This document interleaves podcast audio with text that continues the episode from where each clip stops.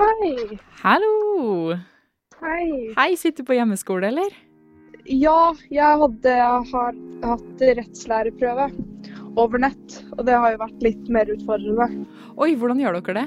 Nei, vi Pga. andre koronabølge så har stadig flere skoler i Norge blitt satt til rødt nivå. Det aller strengeste nivået med smitteverntiltak før fullstendig nedstenging. For at de ikke skal jukse. I Bergen, Oslo, Fredrikstad og flere andre kommuner har tusenvis av ungdomsskole- og videregående-elever fått en ny skolehverdag. Fordi jeg har jo hatt eksamen denne uken, så jeg har ikke fått vært på skolen de dagene jeg har trengt det. Så jeg hadde jo ikke noen av bøkene mine, så det var jo litt sånn Måtte jo nesten ta litt fra det jeg har notert fra timene. Hvor nødvendig er de strenge smitteverntiltakene på skolen? Når skolene nå er på rødt nivå, så skulle man kanskje tro at det er mye smitte der. Eh, men når vi har sjekka, så er det ikke helt sånn. Du hører på Forklart fra Aftenposten, og er Marit Eriksdatter Gjelland. I dag er det tirsdag 24. november. I går anbefalte regjeringa at videregående skoler går over til rødt nivå i områder med høy smitte. Byrådet har bestemt at videregående skoler og Oslo voksenopplæring skal drives på rødt nivå fra og med mandag. Vi innfører rødt nivå i videregående skole og i voksenopplæringen. Vi ber ungdomsskolene forberede seg på rødt nivå. Skolebyråd For to uker siden ble alle de videregående skolene i Oslo satt til rødt nivå. Og uka etter ungdomsskolene. Byrådet har derfor beslutta å innføre rødt nivå på alle ungdomsskoler i Oslo fra i morgen tirsdag. Noe som innebærer de strengeste tiltakene som skolene kan innføre. Rødt nivå er jo at um, det er mindre grupper på skolene, og man kan ha alternative åpningstider. Men så er det samtidig litt opp til skolene hvordan de organiserer det, da. F.eks. på Sofienberg, hvor vi var i forrige uke, så har de en halv dag på skolen og en halv dag hjemme hver dag. Mens andre har kanskje hele dager hjemme og hele dager på skolen. Men det er for at det skal være færre elever, og da blir det lettere å opprettholde avstand og alle disse kjente smittevernreglene, da. Det skal ganske mye til for å innføre de her smitteverntiltakene som Aftenposten-journalist Marianne Stensland snakker om. Det er fordi rødt nivå innebærer mer hjemmeundervisning, noe som kan være vanskelig for en del elever.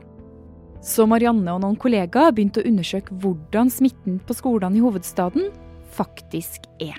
Smitten i Oslo har jo økt mye i det siste, og særlig var øh, økningen stor i aldersgruppa 10 til 19 år. Og, og samtidig så så vi at det var veldig mange som var bekymra for situasjonen i skolene. Både lærere og elever og foreldre. Um, men vi fant heller ingen tall som sa noe om hvordan det var akkurat i skolene. Um, Helseetaten har statistikk for ulike aldersgrupper, men vi ville vite mer spesifikt om situasjonen i skolene, da. Så derfor så sendte vi ut en spørreundersøkelse til alle rektorene i Oslo-skolen. Så hva fant dere ut da, når dere undersøkte smittesituasjonen på skolene i Oslo? Tallene vi fikk inn, viser at minst 622 elever i Oslo har vært koronasmittet. Og da sier jeg minst, fordi vi foreløpig har fått inn svar fra 142 av 204 skoler. Så det reelle antallet er trolig høyere. Men litt over 600, altså. Er det masse, eller ikke? Nja, altså tallene våre tyder på at smitten er noe lavere hos skoleelever enn ellers i Oslos befolkning. Men samtidig så vet man jo at det er mørketall, og FHI anslår at de fanger opp mellom 40 og 50% av alle smittetilfeller nå. Eh, så det er grunn til å tro at det er mørketall i skolene også.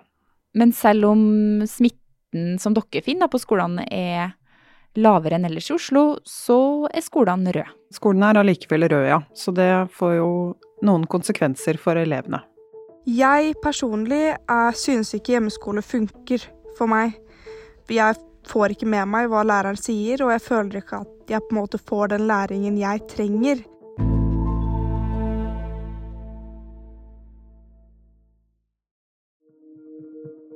I og med at alt vi gjør er på en måte en forberedelse til eksamen, så tror jeg at eh, eksamenskarakterene og den eksamen som kommer til å være i år, kommer til å gå veldig dårlig.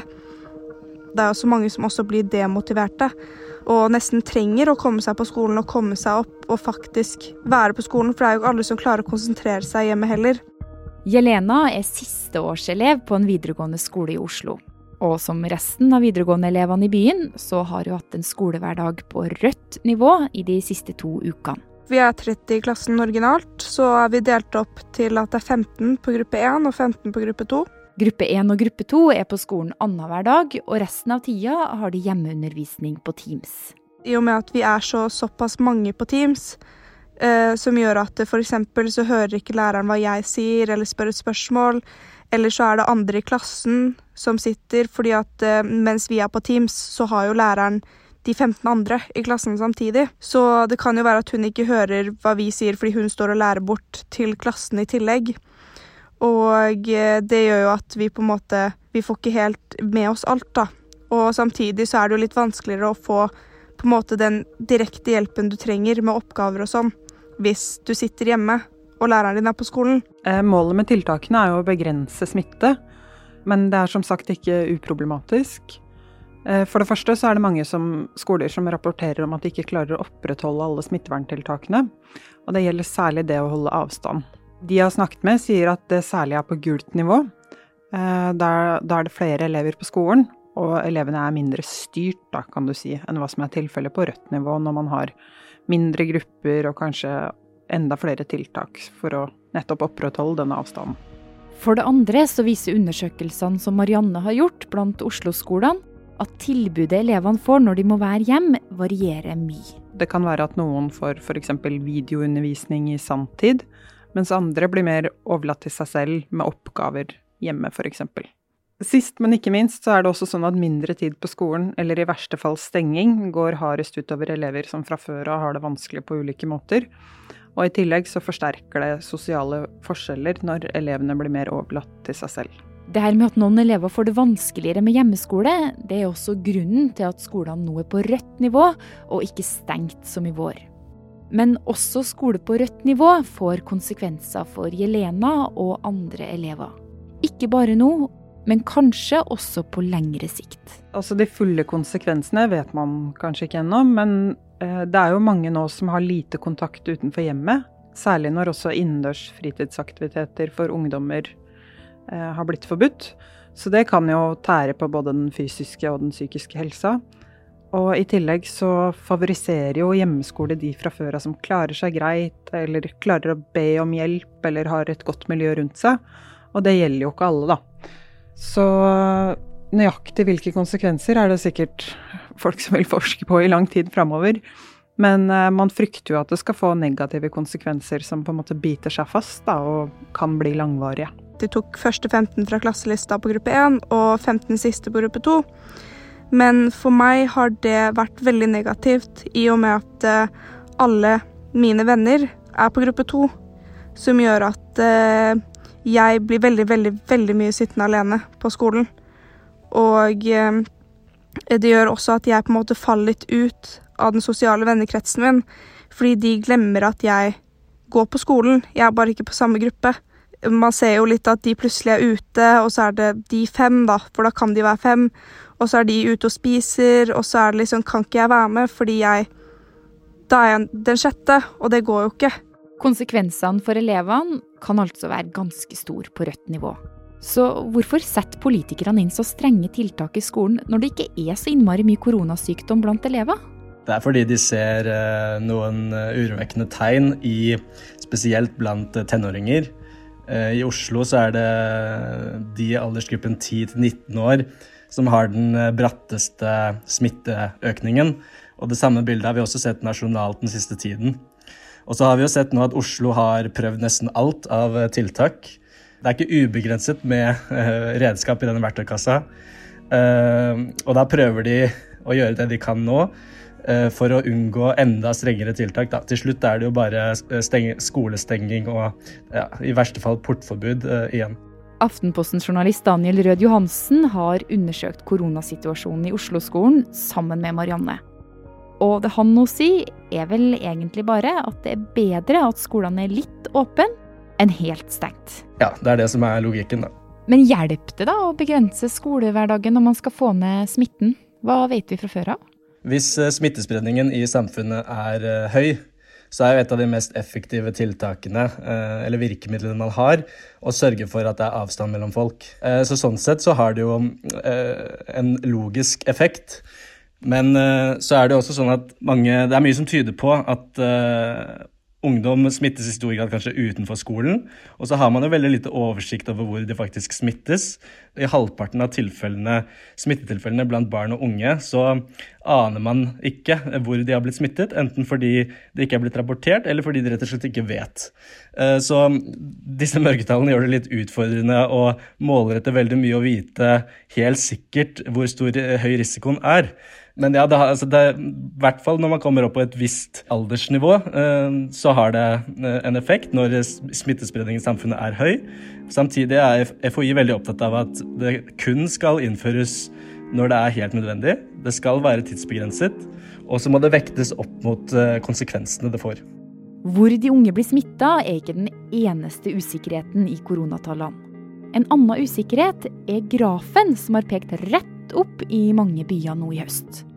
Denne streken viser ikke egentlig koronasmitten i dag, men smitten for noen uker siden. Fordi hvis du, smitter, hvis du, blir smittet i dag, så vil det ta noen dager før du får symptomer og tester deg, og så eh, eventuelt havner i statistikken da, hvis du tester positivt. Så det vil alltid være en forsinkelse som gjør det vanskelig å måle veldig sånn i sanntid hvordan tiltakene virker. Men det blir veldig spennende å se nå, eh, nå den nærmeste tiden. Da. Eh, vi ser noen tegn til at i hvert fall den bratte økningen i Oslo har avtatt. Men eh, det er ingen tvil om at smitten må betydelig ned. Det her med at grafen er forsinka, og at politikerne aldri helt sikkert vet hvordan smittesituasjonen faktisk er når de bestemmer seg for tiltak, gjør at de kan bli litt ekstra streng for å være på den sikre sida. Byrådspolitikerne eh, og smittevernekspertene i Oslo eh, sitter jo nå og følger med på dette hele tiden. De ser på de ser på smittetallene, de ser hvor smitten skjer, eh, og prøver å finne ut hva de kan gjøre da, for å unngå å miste kontroll. Og det er jo akkurat det at eh, alt dette er forsinket, som gjør at du må sette inn tiltakene tidlig nok. Fordi hvis du først kommer bakpå, kan det være veldig vanskelig å snu. da. Hvor viktig er det da for uh, Oslo, men også resten av landet, at, uh, at tallene, smittetallene i hovedstaden går ned? Altså, vi kan se, se for oss at uh, Oslo er en uh, vulkan.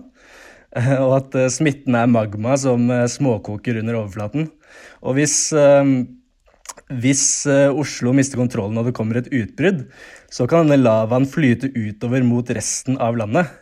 Og da vil, da vil situasjonen være sånn at man fort kan tenke at man har mistet kontroll, også nasjonalt, og man må innføre større, mer omfattende nedstengninger, som man hadde i mars da, på, ja, i store deler av landet, eller hele landet.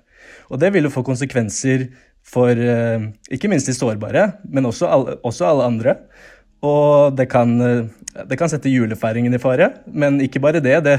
Hvis man kommer til det nivået, så vil jo det få konsekvenser for mange uker og må, kanskje måneder inn i det nye året også. Så for å unngå at lavaen flyter ut over hele landet og ødelegger juleplanene, så må Oslo og de andre byene som sliter med høye smittetall nå, få kontroll.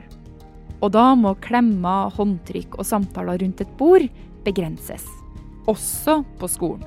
Det er eh, ingen tvil om at eh, konsekvensene av at barn eh, får tapt læring og mindre mister noe av den trygge arenaen på skolen, er store. og da da blir jo spørsmålet hvilken effekt det har. og Det, det er litt usikkert, men hvis uh, smittespredningen generelt i samfunnet blir for høy, så vil man jo føle at man kjemper mot en usynlig fiende. og Da er det veldig vanskelig for politikerne og eh, smittejegerne å sette inn tiltak som treffer smalt. Uh, da kan det være forståelig å sette å heve disse nivåene på skolene som et forsøk på å mm, stanse den generelle smittespredningen før den blir så stor at man må innføre enda mer inngripende tiltak. Så det er et, eh, det er et grep som eh, er beheftet med usikkerhet.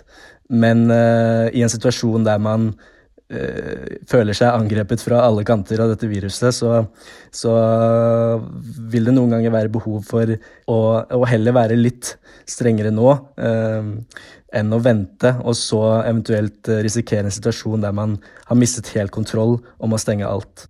selvfølgelig, som alle håper, så håper vi jo at ting skal forbedre seg. Og at eh, smittesituasjonen At eh, de tallene skal gå litt ned. Men jeg håper jo at de i hvert fall kan finne noen tiltak som funker litt bedre for unge. Som gjør at vi kan kunne være sosiale samtidig som å følge tiltak, da. Og være forsiktige, men fortsette å kunne opprettholde den sosiale kontakten vi som unge trenger for å kunne ha stabilitet.